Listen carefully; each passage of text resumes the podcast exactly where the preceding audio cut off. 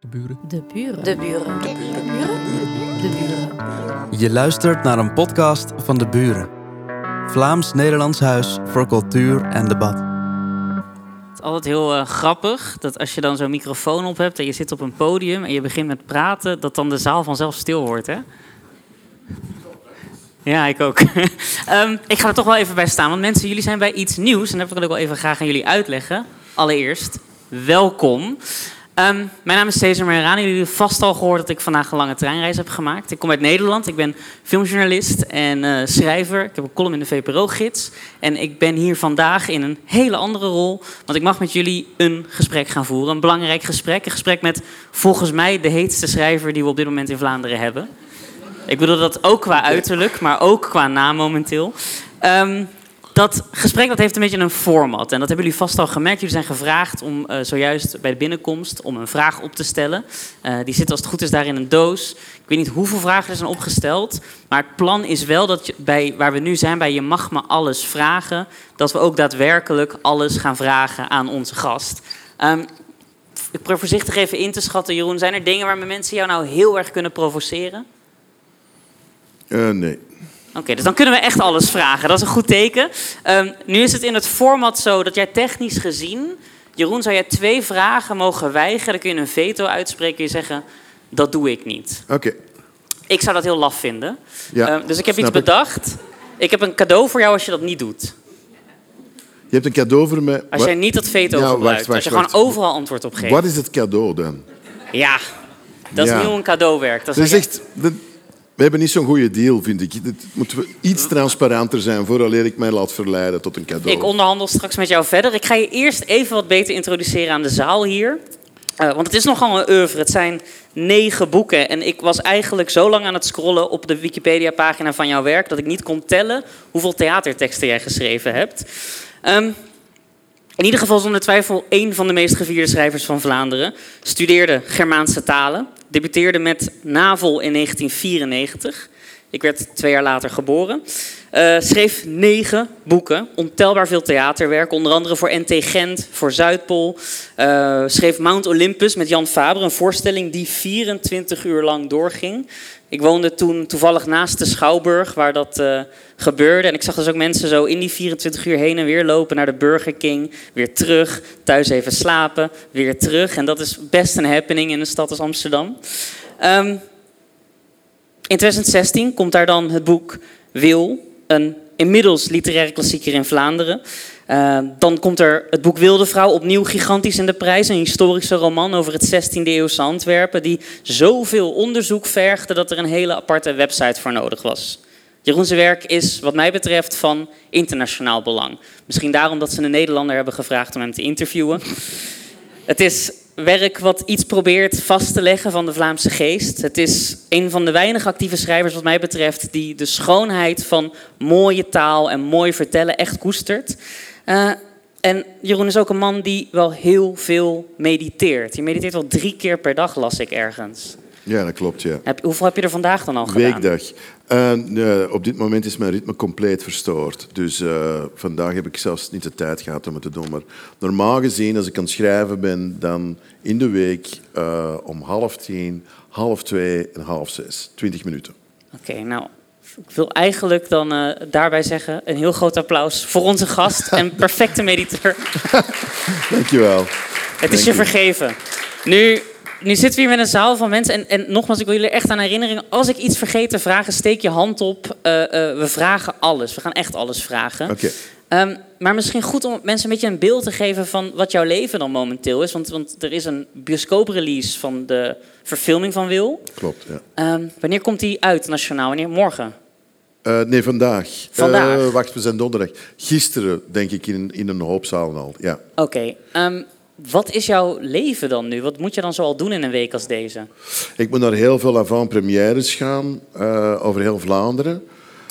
Dat komt omdat Kinepolis er wel wat geld in heeft gestoken. En Kinepolis, Kinepolis heeft een deal met de standaard boekenhandel.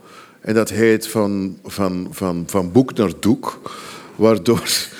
Dus waardoor... Dat laat weinig aan de verbeelding dat, over. Ja, dat is... Uh, ja dat, iemand heeft daar helemaal niet over nagedacht, denk ik, om daarop te komen.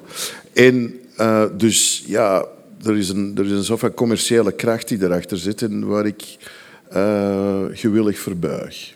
Maar wat moet je dan precies? Dan sta je in een zaal en dan moet jij iets vertellen over het boek wat jij ooit hebt geschreven, waar dan nu de... Ik, en ik moet, het, ik moet het ook hebben over de film. Dat Tim Mielans is er meestal bij, de regisseur van de film. En de aard van de film is zo dat het eindigt echt met een schok. Met een echte kopstoot, in feite. Uh, waardoor het publiek sowieso moet bekomen. Uh, ik heb nog geen enkel moment meegemaakt waar dat mensen niet even... Wow. Dus dan wachten we even en dan komen wij. Maar dan elk woord weegt. Maar aangezien dat we dan geïnterviewd worden, uh, en dan hebben we het meestal over onze uh, manier van werken en, en hoe, dat hoe dat de film tot stand is gekomen, hoe dat het boek is ontstaan. Dus heel rustig, zodat iedereen kan landen. En dan komen er meestal wel vragen uit de zaal. En eerlijk gezegd, die vragen zijn meestal echt zeer ad rem. Ad rem? Ad rem, dus echt op de zaak. Niet... Ik had heel... Kijk, het boek speelt zich... Boek en film spelen zich af tijdens de Tweede Wereldoorlog. En ik heb al vaak meegemaakt toen ik... Uh, ik heb veel lezingen gedaan toen Wille uitkwam. En het, het, is niet een probleem, het is, laten zeggen, een fenomeen. Dat als er vragen worden gesteld, als er ruimte wordt gegeven aan vragen, dat er vaak wel iemand recht staat die begint over de oorlogsgeschiedenis van zijn grootvader of grootmoeder. Ja. En het probleem is op dat moment dat het, er is geen vraag, dat is alleen. Het is eigenlijk gewoon een verhaal van iemand. Ja. En op zich is dat ook niet zo erg, maar de vraag, de, het verhaal gijzelt de rest van de zaal. Ja. Die dan ongemakkelijk beginnen te worden van waar komt de vraag? En dus ik heb en dan ook, ik kan dat niet, want dan, dan krijgt het ook mogelijk een therapeutisch moment. Waar ja. Ik, in, in, in de therapie in noemen ze dit trauma dumping. Dan gooit iemand eerst alle pijn eruit en dan Precies. moet vervolgens de zaal en jij daarmee dealen. Ja, het is eigenlijk trauma dumping. En het, het is in feite nog veel meer trauma um, aan de Franstalige kant. Dus toen mijn boek uitkwam in het Frans en dus ik plots in plaats van een Vlaamse schrijver een Belgische schrijver werd, vanwege die vertaling, ben ik in Brussel geweest en ik ben in Namen geweest en ik ben in Waterloo geweest, waar een hele goede boekhandel is, uh, Namen twee keer.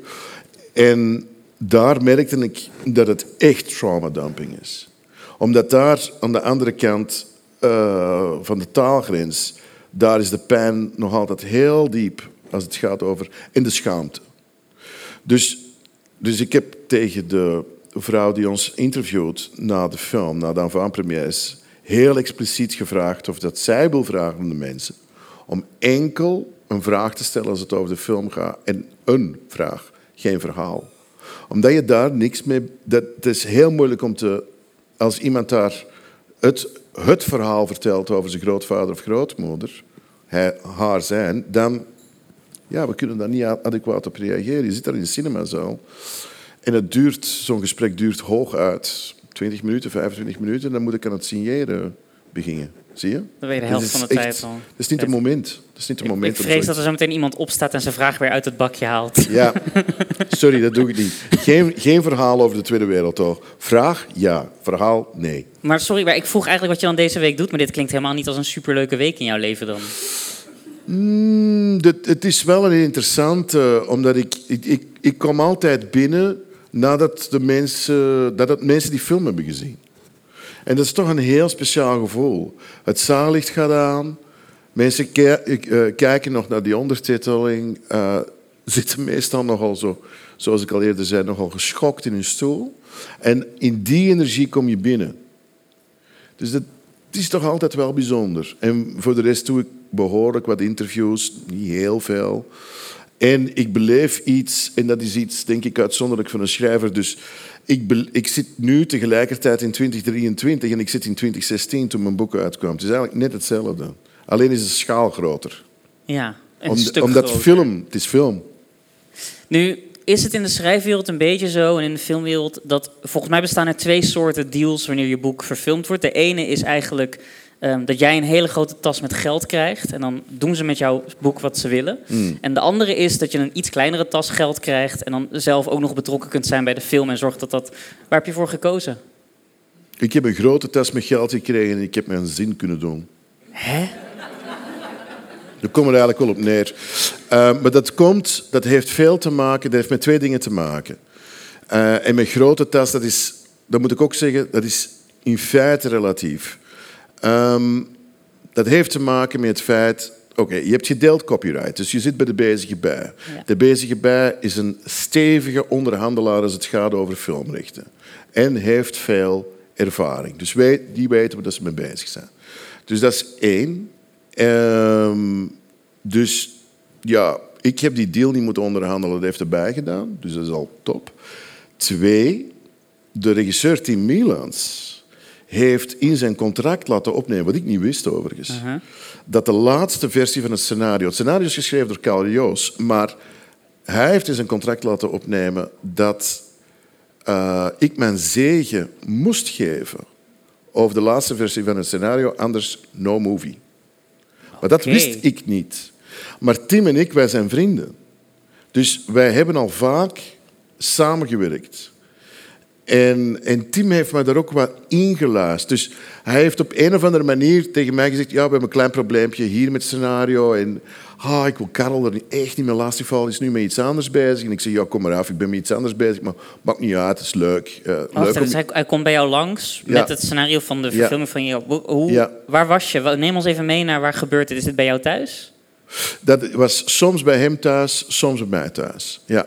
Ja. En- dan gingen jullie gewoon samen lezen, zoals, zoals een kinderboek eigenlijk met een kind. Nee, nee, nee. nee. Hij be- beschrijft de scène, leest soms de scène voor.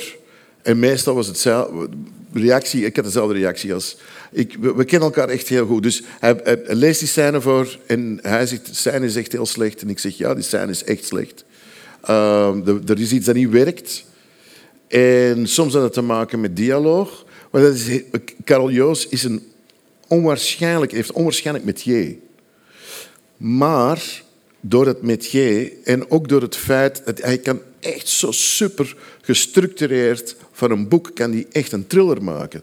Terwijl mijn boek is geen thriller, maar hij heeft er een thriller van gemaakt nodig voor een breed publiek te bereiken. Dus daar heb ik grote, grote bewondering voor. Maar dat is iets wat ik niet kan en ook niet wil. Ehm, een scenarist heeft, laten we zeggen, een sense of duty. Het moet afgeraken, hij heeft een contract afgesloten. Dat moet binnen een bepaalde tijdsspanne binnenkomen. Het moet Ik- gepolijst zijn en de Ja. distributeur moet het goed vinden. Dus die, Klopt. Die, doet, die heeft een veel moeilijkere taak. om Die, dat is een moeilijke misschien. taak, omdat die producenten natuurlijk tevreden moeten zijn. En ik, hij heeft een sense of duty, maar ik heb de luxe positie van een sense of play.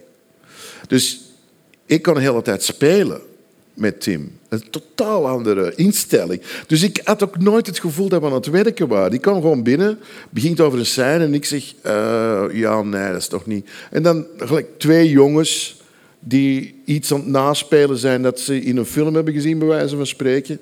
Beginnen gewoon te acteren, of ja, natuurlijk gewoon te spelen. En merken we dat het niet werkt. En, ehm, en dan herschreef ik de scène. En, en dat hebben we vaak gedaan. Een van de wildste dingen, denk ik, dat heb ik ook nog nooit gezegd, en dat zal ik ook buiten deze ruimte Blijf tussen ons, joh. Dat is ja. echt- Een van de wildste dingen, dus een stuk van de film, ik denk een derde, is opgenomen in Polen. Maar door de oorlog in Oekraïne vonden de Polen plotseling, de, onze Poolse partners, eh, ja, die, die moesten ineens veel meer geld hebben vanwege de oorlog, weet je wel. En dus dat was problematisch. En er was een scène en die ging 300.000 euro kosten. En dat was te veel. Dat was erover. De producenten hebben zeiden ook van... Dit kunnen we echt niet maken. Dit gaat te ver, te ver boven het budget. Eh, Tim belde mij. Ja, ik heb een scène van 300.000. ehm, en en we- zitten in de shit, want eh, binnen, een, binnen twee maanden zitten we in Polen. En ik moet gewoon nu al afspraken maken. Dus, en het was met een crane, was met een crane shot en al die dingen. Dus ik zeg, kom gewoon naar mij. En eh, we werken er een dag aan.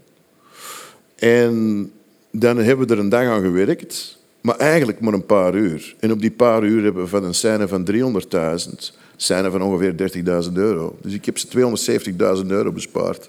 Dat was heel, heel leuk.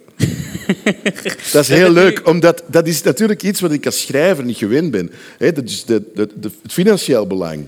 Ja. Dus dat, En je moest, je mag, ik normaal mag je zeggen, en nu komt er een raket en dan komt er naast en dat, dat Ja. mag allemaal. En Ja, dan en dan, opeens... en dan, heb ik, dan, dan kan ik in de luxe positie van speler zeggen van... Maar dat kunnen we toch allemaal veel eenvoudiger en veel, en veel spannender. We hebben die crane shot niet nodig. Maar dat maakt mij natuurlijk dat maakt mij niet noodzakelijk het grote creatieve genie. Dat maakt mij de betrokken buitenstaander die de, waanzin, zi- de, de interne waanzin ziet van een creatief proces waar ik eigenlijk veel mee te maken heb. Dus scenarist en regisseur hebben elkaar zitten opgehalen. Nu hebben we een crane shot nodig. Dan gaan we dit doen en dan gaan we met die synagoge gaan we dit en dat doen. Hè? En dan bleek die veel te veel te kosten en dan kon ik gewoon lekker knippen. Dat vond ik leuk. Dus ehm, Het is eigenlijk heel gek, hè? Voor het is vreemd. De meeste schrijvers zouden zeggen, ik spuug op el- elke letter die veranderd is van mijn oorspronkelijke boek. Ja, maar dat vind ik... Ja, dan moet je gewoon dan moet je een boek niet laten verfilmen. Dat, dat moet je gewoon Ja, maar ja, die tas geld. Ja, en dan? Ik bedoel, ik verdien wel oké. Ik bedoel, die tas geld, dat is wel leuk, maar moet dat mijn leven... Dat heeft nooit mijn leven bepaald. Ik heb eens twee keer dingen gedaan voor het geld in een theater. Zelf gevraagd, mag ik alsjeblieft een theaterstuk schrijven? En met twee keer was het verschrikkelijk. Was de première verschrikkelijk en was ik diep, diep vernederd. Ik doe geen dingen voor het geld, omdat het mij altijd vernedert. Ik weet het, het is altijd ellende als ik het doe.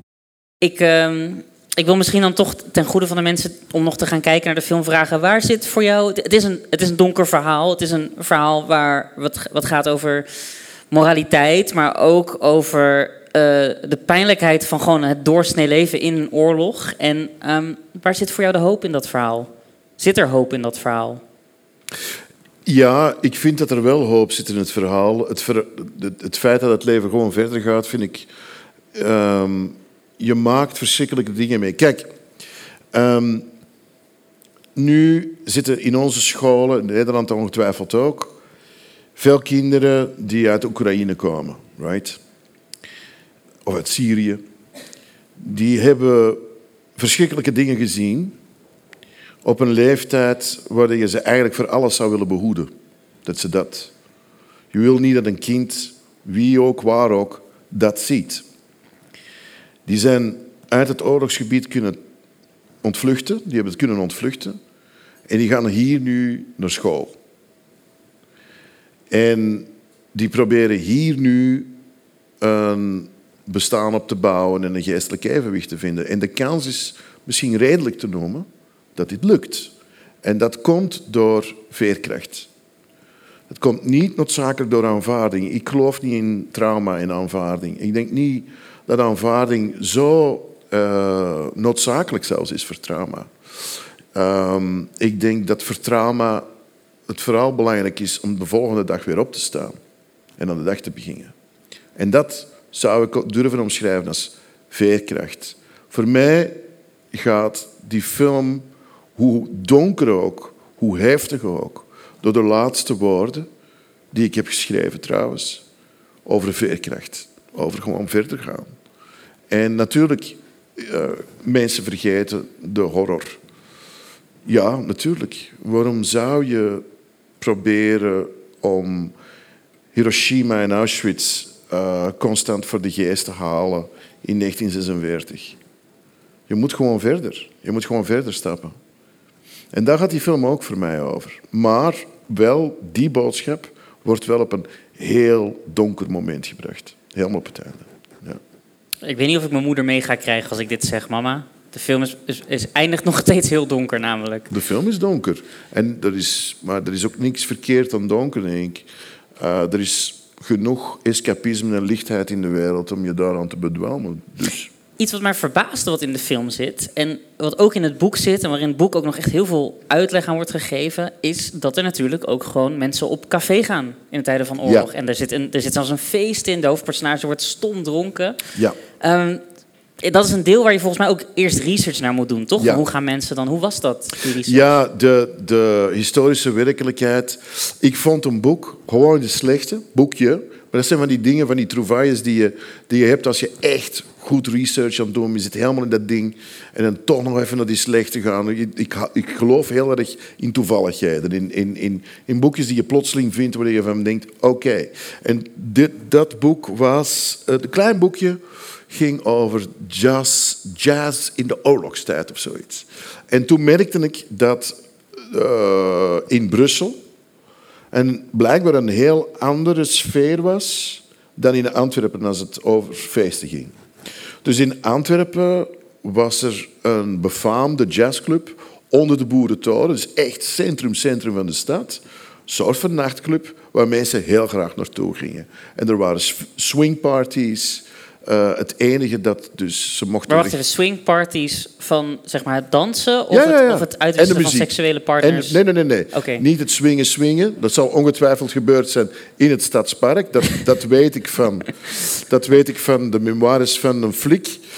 Eh, die, ja, dat was echt compleet Sodom en Gomorra, het Stadspark. Eh, Duitse officieren deden het daar met ver- verschillende geslachten en alles wat er gebeurde was. En de flikken wilden er natuurlijk niet binnenkomen in dat park, omdat je niet s'nachts een eh, SS-officier met zijn broek op zijn enkels wil aantreffen potentieel gevaarlijk. Ehm, dus, dus dat was er ook. En uiteraard, die oorlog, die legt zo'n druk op die stad.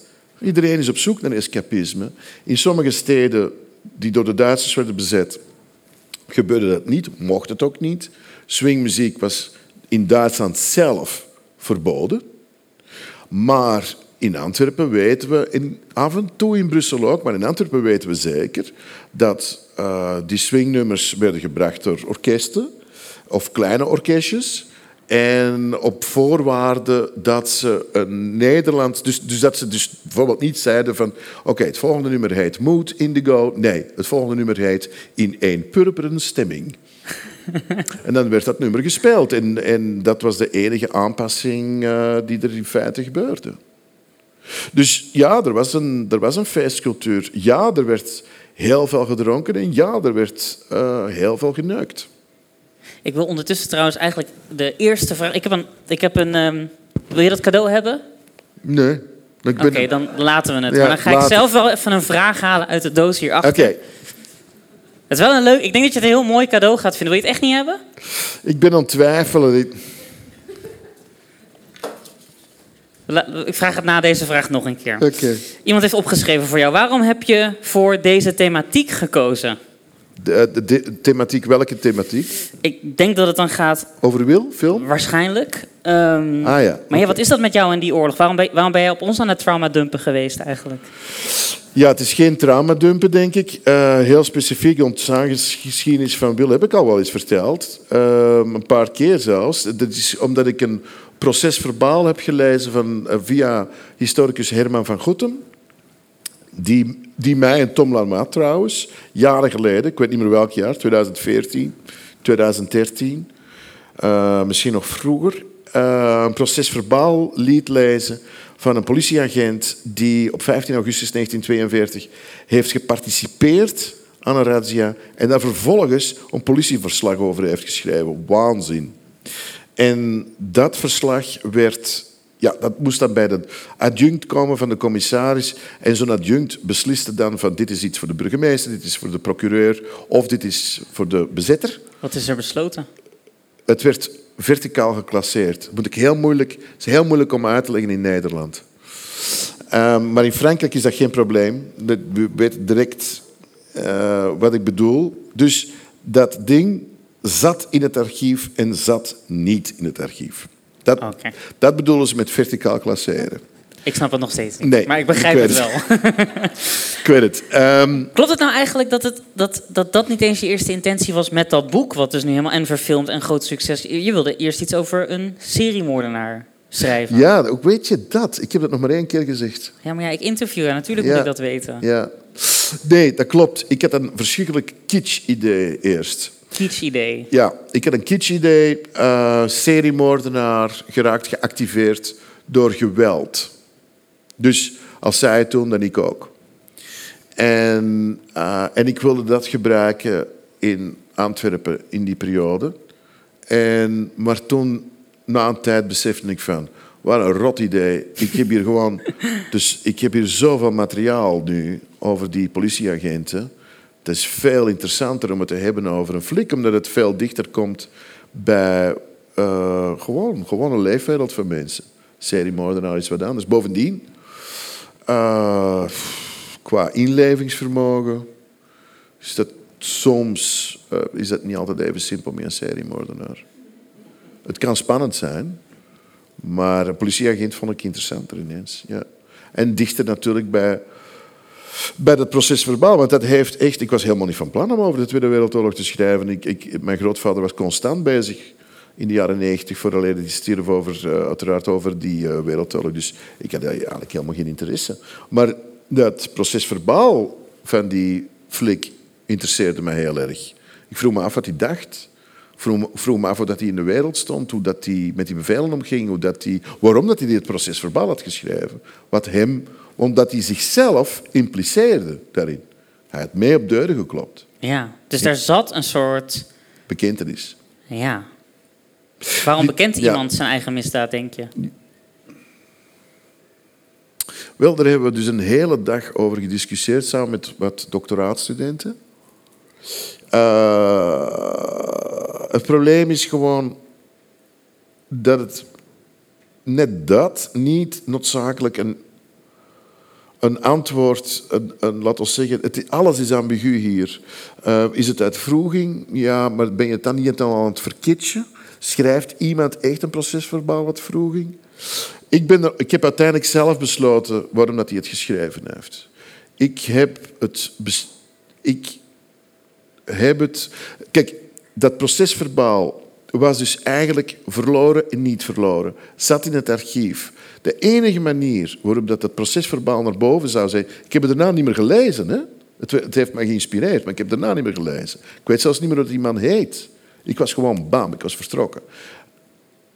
Dat procesverbaal kon alleen maar gevonden worden door iemand die jarenlang in dat archief zat.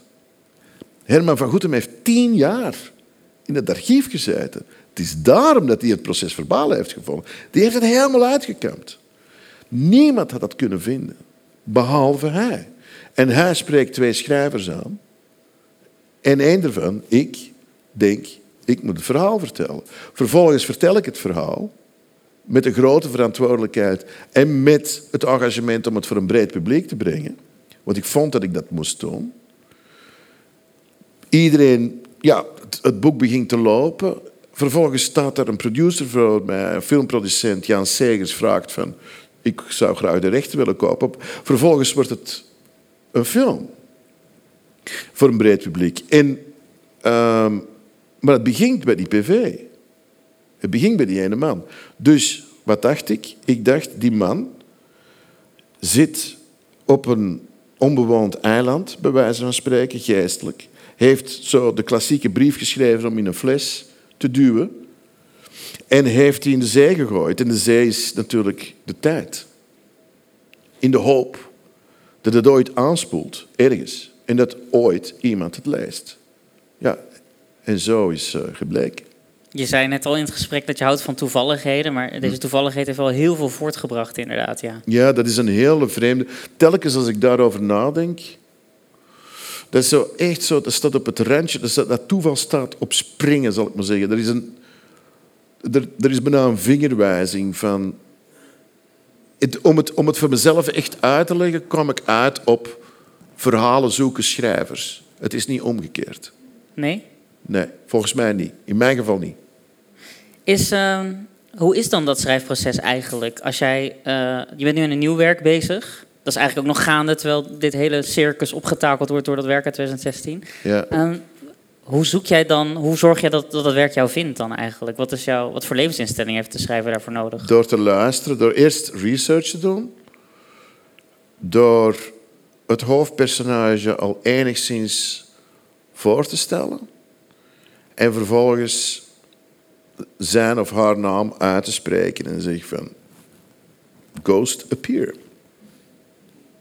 Is dat, is dat een leuk proces? Ik, ik hoorde ooit het citaat: een schrijver is iemand voor wie schrijven heel moeilijk is. Dat is een amateur. Nee, dat, is, dat vind ik echt onnozel. Ik bedoel, come on. Het is niet het einde van, het wereld, van de wereld. Het, het, het, is, het is ook niet het moeilijkste. Dat is eigenlijk ook niet zo. Het, het, het grote voordeel van schrijven is dat, het, dat you age well als je het blijft volhouden. Je, met, je metier wordt beter. Je wordt mogelijk genereuzer ook tegenover jezelf en tegenover de wereld. Ehm, lijden, ja, er zijn natuurlijk dat soort schrijvers die... Maar daar heb ik eigenlijk alleen maar medelijden mee. In feite, bedoel, voor mij is het... Natuurlijk sta ik ook wel eens in de tuin te huilen. Omdat ik me machteloos voel. En dat ik denk van... Oké, het is voorbij. Ik heb het niet meer. Ik kan het niet meer. Ik, heb ik het eigenlijk ooit wel gekund? En, en, en wat, is dan de beste reactie van de omgeving? Ja, dat, dat ik eens goed word uitgelachen. Toch? Bro, come on. Ehm, ik kan wel wat pijn hebben. En natuurlijk moet je je persoonlijke pijn, vind ik zelf, meebegraven in dat boek, omdat het, omdat het dan interessant is om, het, om, om, om er terug naartoe te gaan. Zoals een hond een been verbergt in de tuin om het later terug te kunnen opgraven. Zo is voor mij persoonlijke pijn. Ik bedoel, dan, dan voel ik mij een hond en ik begraaf die in de tuin van mijn verbeelding en ik zal die wel terugkomen opgraven als ik vind dat ik veel te, laten we zeggen, veel te arrogant begin te worden over mijn talent of zo. Dat ik het blijkbaar allemaal goed lijkt te kunnen, dan zal ik wel even terug naar mijn pijn gaan. Maar dat is voor mij heel praktisch. Maar echt om in openbaar te zeggen dat het, dat het lijden is, nou, dat is voor mij, ja, dat vind ik eigenlijk echt heel zelfvoldaan. Het is wel een beroep uh, waar je blijkbaar naast nog drie keer per dag moet mediteren. Ja, maar dat is iets anders. Omdat die meditatie er uiteindelijk voor gezorgd heeft dat ik veel meer grip op die dag heb gekregen. Die dag zit nu onderverdeeld in die momenten. En ik merkte dat het, dat het, dat het dan veel simpeler is om, om de dag op te delen en te weten van oké, uh, het is nu half zeven s ochtends of zo en ik ga om half tien mediteren, dus wat doe ik tot dan? Wat lees ik iets of, of ga ik wandelen of, of, of begin ik al te schrijven? Dus dat, dat, dat helpt wel. Dat heeft gewoon te maken met discipline en, en die discipline scherp krijgen. Ja, ik wil eigenlijk wel je cadeau. Is goed.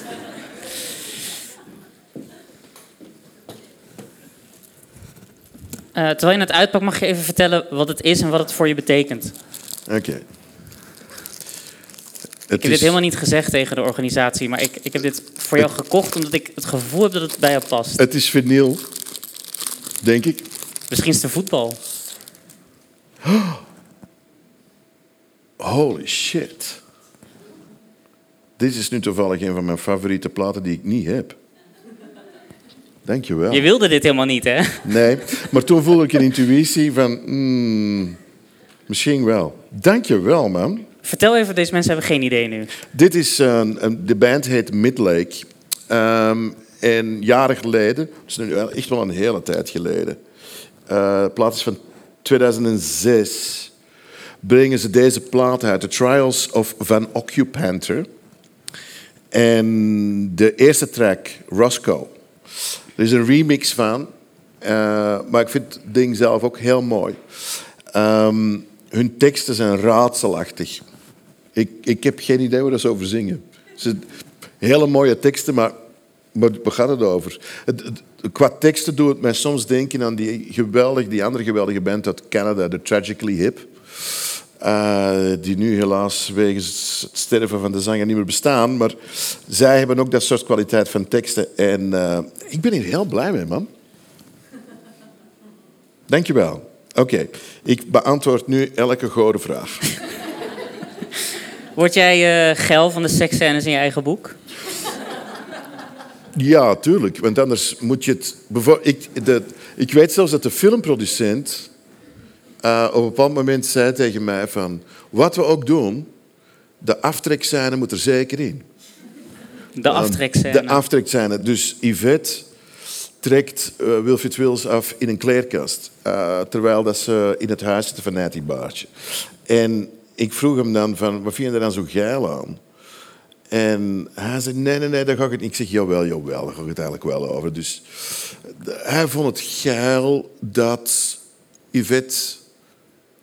Dat Wilfried Wils op een bepaald moment zei, auw, te droog. En dat zij naar hand spuurt. en hem dan verder aftrekt. En ja, daar heb ik wel zitten over fantaseren en nadenken van. En, maar ik vind wel met een seksscène, dus ik vind die seksscène wel werken, omdat sommige seksscènes echt niet werken. Maar de truc is, vind ik zelf als schrijver, dat je er nog een ander element in zet. Dus, maar het is sowieso, hè, je bent aan het vrijen en soms is het echt moeilijk om niet te denken. Soms gebeurt het dat het... Maar oftewel denk je van, doe ik het goed? hè, Dat soort onzin. Maar je denkt natuurlijk soms ook van, ah, ja, shit, ik moet, dat mag ik niet... ver- En dan... Dat is dus heel raar. En, dan, Ja. en dan, dat kan je natuurlijk niet zeggen tegen je partner, dat is ook gênant. Maar, eh, maar het gebeurt wel. Tuurlijk. Dus, en ik heb daar zitten over nadenken van hoe maak ik die scène niet enkel geil, maar spannend. En het spannende wat ik erin heb gestoken, denk ik, is dat terwijl Yvette eh Wilfried Wilson aan het masturberen is in een kast van iemand waar dat ze eigenlijk van een huis waar dat ze eigenlijk zo snel mogelijk uit moeten, begint Wilfried zich paranoia te voelen over Yvette. En vraagt zich af, waarom doet ze dit? Wil ze mij behagen, maar als ze mij wil behagen, wil ze eigenlijk mij beïnvloeden, wil ze mij manipuleren. Dus zie je, dus, eh, ik vind de seksscène in een boek interessant. En dat hebben we voor op cinema. Cinema zie je. Ja. Ehm, maar met, met, in, in literatuur kun je sneller een element... En meestal is paranoia al voldoende om die seksscène Alleen te al doen die twijfel werken. van hem op dat moment. Wat liefst? Die twijfel van hem op dat Die moment, dat is hem. eigenlijk... Waarom doet ze dit? Dat tegelijkertijd natuurlijk ook iets is van ontluiken, de seksualiteit. En wow, ik krijg hier ineens... Ik ben nog nooit afgetrokken geweest en eh, ik heb dat altijd zelf moeten doen. En nu doet iemand anders dat voor mij. Verschrikkelijk geil. Ik weet niet meer waar ik moet kruipen van geilheid. Hé, hey, waarom doet ze dat? Daar begint een boek. Daar begint iets. Ik vind, een seksscène moet op die manier kunnen functioneren. Vind ik zelf persoonlijk. Hè. Ik vind de meeste seksscènes in, in boeken niet werken, omdat het lijkt... Oh, en nu allemaal geil interludium. Who, who gives a shit? Kijk naar porno dan. Ik bedoel, dat is niet interessant. Het moet dramaturgisch interessant zijn. Ik hoorde dat jij getrouwd bent, maar dat dat maar zeven jaar duurt of zo.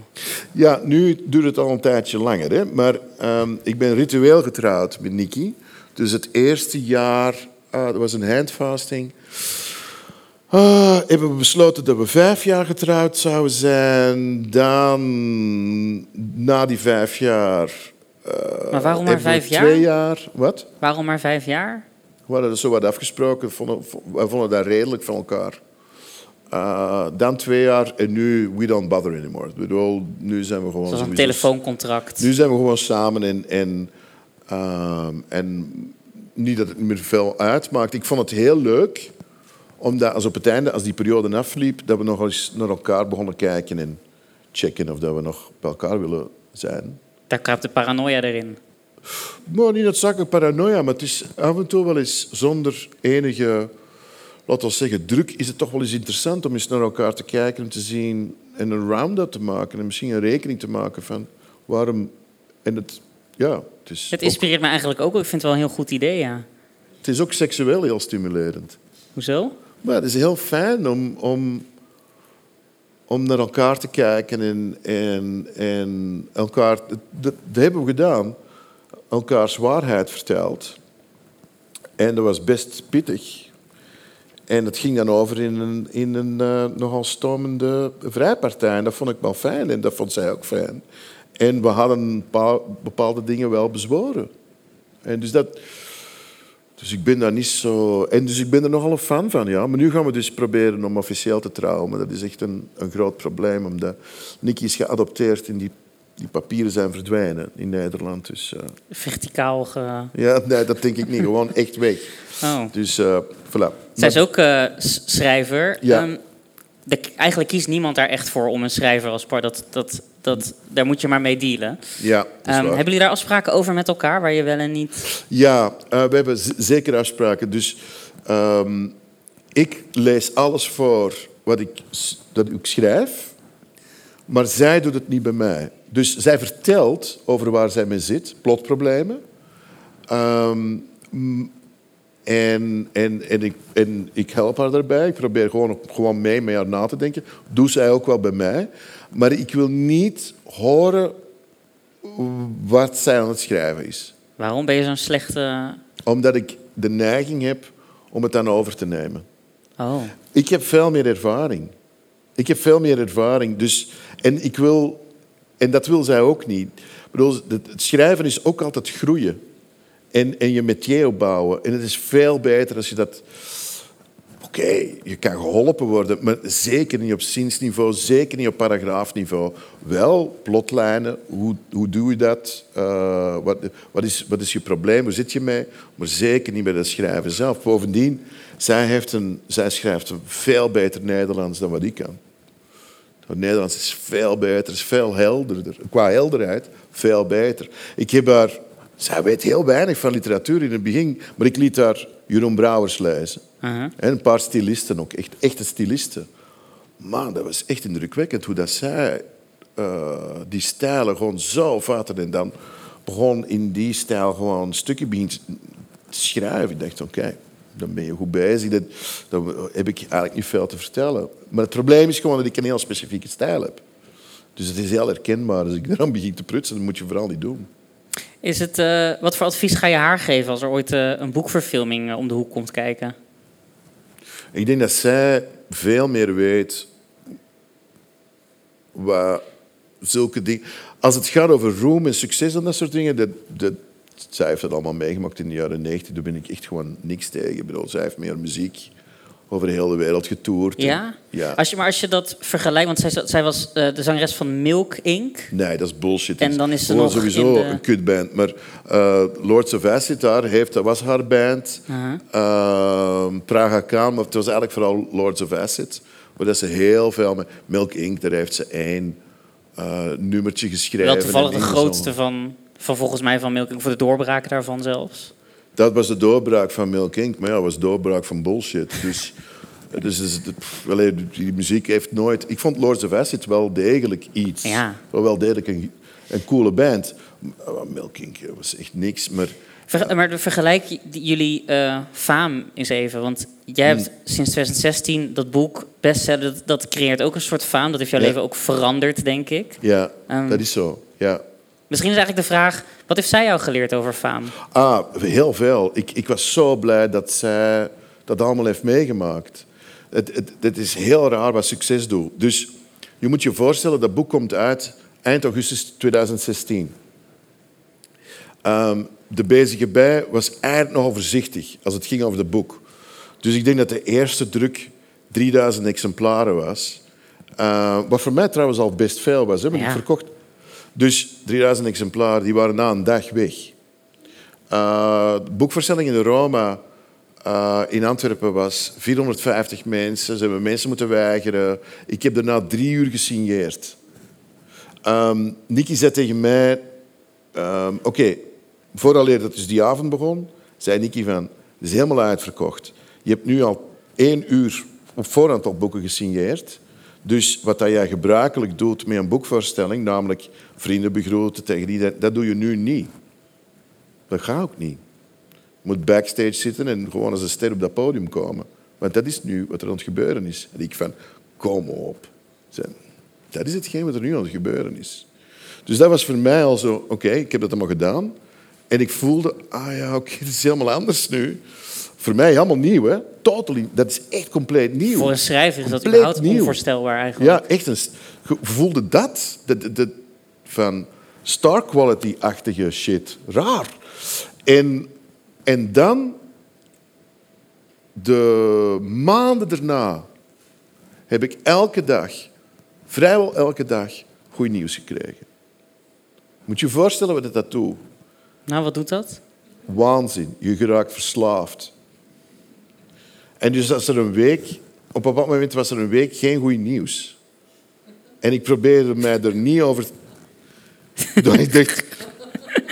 En op een bepaald moment vroeg Nicky van... Wat? En ik... Oké, ik kan alleen maar tegen jou zeggen. Zeg dat tegen niemand. Maar ik heb al een week geen goed nieuws gehad. Toen zei ze van... Oh ja, ik snap het. Je zit op dat plateau. En ik zeg, ik ben verslaafd. En zij, dat is wat er gebeurt met succes. En, uh, en ik was zo blij dat ik geen dertig was op dat moment. Zo blij. Dan, omdat het dan helemaal fout zou zijn gelopen. Die bedoelt, Ik zou een kookprobleem hebben gekregen, denk ik. ja. Ja, ik, denk, ik ben daar vrij zeker van. Zeker in Antwerpen, waar de kook gewoon naar je kop wordt gesmeten. Ja Dus- goedkoop ook. Je moet zelfs, in Antwerpen hoef je zelfs geen kook te kopen. Je moet gewoon naar het wc gaan waar de advocaten zitten. In een kroeg. Er liggen nog lijnen die ze vergeten zijn. Dus nee, zo erg is het. Zo erg is het. Ja, je kunt ermee lachen, maar eigenlijk is het echt zo erg. Dus ik zou veel te gevoelig zijn geweest. Mijn ego zou... ah. Ik heb al een ontwikkeld ego, dus Ja. dat zou echt... Ik, ik snap niet hoe dat Lise Spit het doet. Lise heeft, is doorgebroken op haar 28. Man, dan moet, je, dan, moet je, dan moet je echt een stevige persoonlijkheid hebben om dat allemaal aan te kunnen. Bij mij ging het echt eh, in zo'n sneltrein. Iemand, en dan is het, de, de vraag is dan van hoe werkt succes? Eh, Zijn jullie eigenlijk geïnteresseerd in deze shit? Want... Zwart, ik We zijn nog steeds aan het kijken welk toilet in Antwerpen dan. ja. Antwerpen-Zuid, ik kan er minstens vier opnoemen. Ehm, ja, het, het, het, het achtervolgt je en je hebt er helemaal geen controle over. Het is eigenlijk niet zo interessant, maar dat is hetgeen wel wat er gebeurt. Ja. Nou, en het, het is misschien die vraag dat je dat überhaupt je afvraagt, is natuurlijk. Het risico is dat je het zelf wel heel interessant vindt. En dat je wel denkt dat dat allemaal heel boeiend is. Dat jij bijvoorbeeld nu geïnterviewd wordt. Of dat toch ja, dat. maar er is ook een sfeer dat vanaf het moment dat het gebeurt, dat zowel niet enkel de pers, maar ook mensen om je heen heel een tijd daarover willen reflecteren. Ik, ik was uitgenodigd bij VRT, de afspraak. En die waren op voorhand aan twitteren waar ik het ging over hebben. Die zitten op Twitter en gaat het hebben over succes, succes en over eh, Antwerpen eh, in de Tweede Wereldoorlog en Antwerpen nu. Twee onderwerpen waar ik het absoluut niet over wilde hebben. Dus die Bart Scholz die heeft echt gezweet tijdens mijn interview. Kunnen we het hebben over je succes? Nee, saai onderwerp. Ik heb, ik heb er heel weinig over te zeggen. Sorry, Bart. Eigenlijk niks, eigenlijk. Kunnen we het hebben over... eh, Kunnen we een parallel trekken tussen Antwerpen, jaren 40 en... Nee, dat is eigenlijk iets voor de lezer. Ik heb je toen echt zien... Die, die- want dat is jaren geleden. Nu is hij veel relaxter eh, en, en veel beter interviewer. Ja. Maar eh, toen... Dus dat is, zo, dat is het rare ervan. Dat, je, dat, je, dat, dat, dat wordt erop geprojecteerd. Hebben ze het niet meer over je boek. Ook, Nee. hè?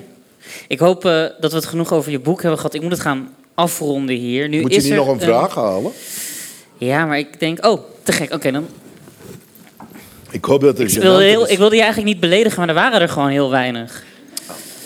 Ja, dat is... Oké, dan voel ik me één beledigd eigenlijk wel. Ja, maar sorry. het is goed. Je mag dat cadeau nog steeds houden. Ja, maar die cadeau is wel leuk.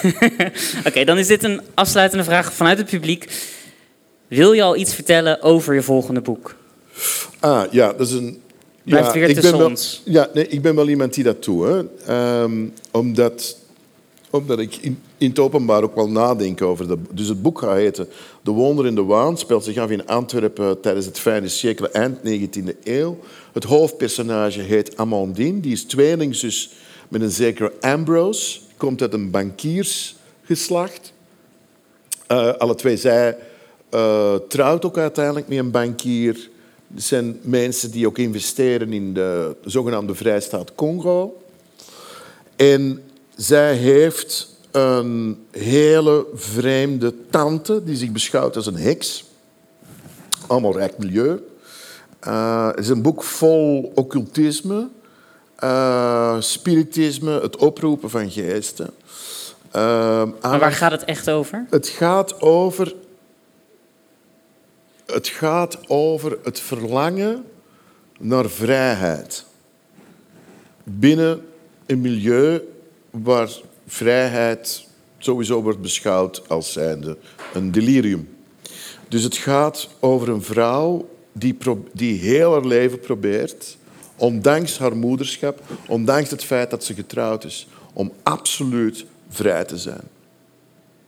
Dat is een hele grappige brug naar iets anders wat we jou hebben gevraagd toen je hier eigenlijk net binnenkwam. En dat is dat de volgende sessie van dit interviewgesprek, wat ik niet zal presenteren, maar dan is er wel een gast en die uh, heet Israël van Dorsten. Israël van Dorsten is in Nederland echt heel bekend bestseller geschreven ook, omdat hij een van de kinderen van Ruinersworld was. Dat betekent dat hij eigenlijk uh, uh, opgesloten is geweest door zijn vader in een soort fantasiewereld en daar is uitgebroken en op zoek is gegaan naar vrijheid.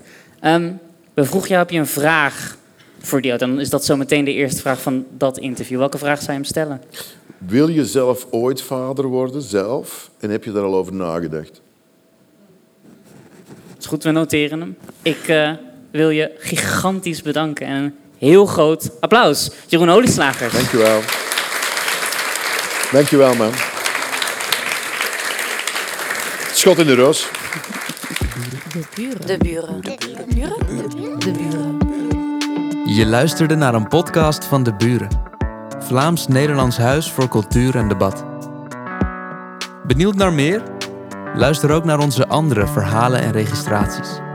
En ontdek ons podiumprogramma op deburen.eu.